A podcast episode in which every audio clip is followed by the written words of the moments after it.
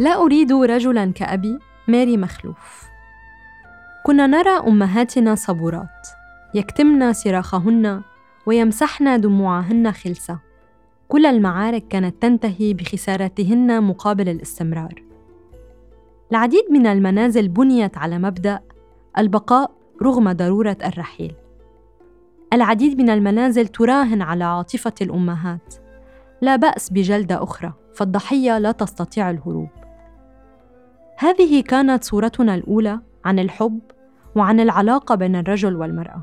أن تكون خاضعة لأوامر الرجل. أن تستشيره بأدق التفاصيل وتطلب إذنه في مختلف الأمور اليومية والحياتية كالذهاب لزيارة والديها شراء قطعة ملابس جديدة لأطفالها أخذ الأطفال في نزهة إلى الحديقة أو أي تحرك قد ترغب به أو يكون ضرورياً. كل شيء مرجعه الأب في المنزل وخارجه. هذه صورتنا الأولى عن الحب والعلاقة بين الرجل والمرأة. ميزان ترجح كفته لصالح الرجل دوما في الشجارات في الرغبات في الأوامر وفي القوانين. كم من نزوة جنسية وغرامية سامحت عليها الكثير من الأمهات. وكم من حقوق تنازلت عنها الكثير من الأمهات. وكم من صفعة تلقتها الكثير من الأمهات بصمت. من أجل استمرار الترابط الأسري وعدم تشتيت العائلة والأطفال على وجه الخصوص. وكل هذا كان أمام أعيننا كأطفال وإناث على وجه التحديد. ربما استغرق منا الكثير من الوقت لنرى هذا المشهد بوضوح كما هو. استغرق منا أن ننضج كفتيات لنفهم الأمر أكثر. أن ندخل للعلاقات العاطفية متشبهات بأمهاتنا نعتقد أنها الطريقة الأنقى والأصدق للحب والأكثر مثالية. تلك هي صورتنا الأولية. هذا ما عايشناه لسنوات. هكذا هي العلاقة بين الرجل والمرأة. هكذا يجدر بها أن تكون. ومن خلال تجاربي الخاصة في الحب لقد كنت فعلا متشبهة بوالدتي بصبرها وغفرانها وتضحياتها.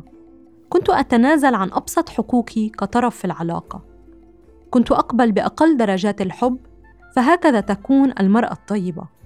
أسامح على النزوات والخيانات أسامح على الغضب والصراخ في وجهي أخضع للتحكم بملابسي وصوري ومواعيد خروجي من المنزل والعودة إليه. الأماكن والأشخاص الذين يسمح أو لا يسمح لي بالتواجد معهم أعطي أكثر مما آخذه سواء في العاطفة أو في الأشياء المادية. كان دوما الميزان في علاقاتي يرجح لصالح الرجل الذي أكون معه في الوقت الذي على الميزان أن يتساوى في العلاقات. ومن ثم وبعد التجربة مرة تلو الأخرى ندرك كم كانت أمهاتنا تعيسات حقا كم أنه أمر مؤلم أن نصمت ونرضى ونغفر الأخطاء لنستمر. لنكون طيبات. لن نستحق هذه الصفة لو لم نفعل كل هذه الأشياء. هكذا اعتقدنا. هكذا علمونا بقصد أو دون قصد. وحين نفهم مقدار الألم أن نجلد فلا نهرب لأننا نحب. لأن أحدهم يراهن على هذا الحب يراهن على مفهوم مكتسب يجعلنا نتحمل الجلد بصمت.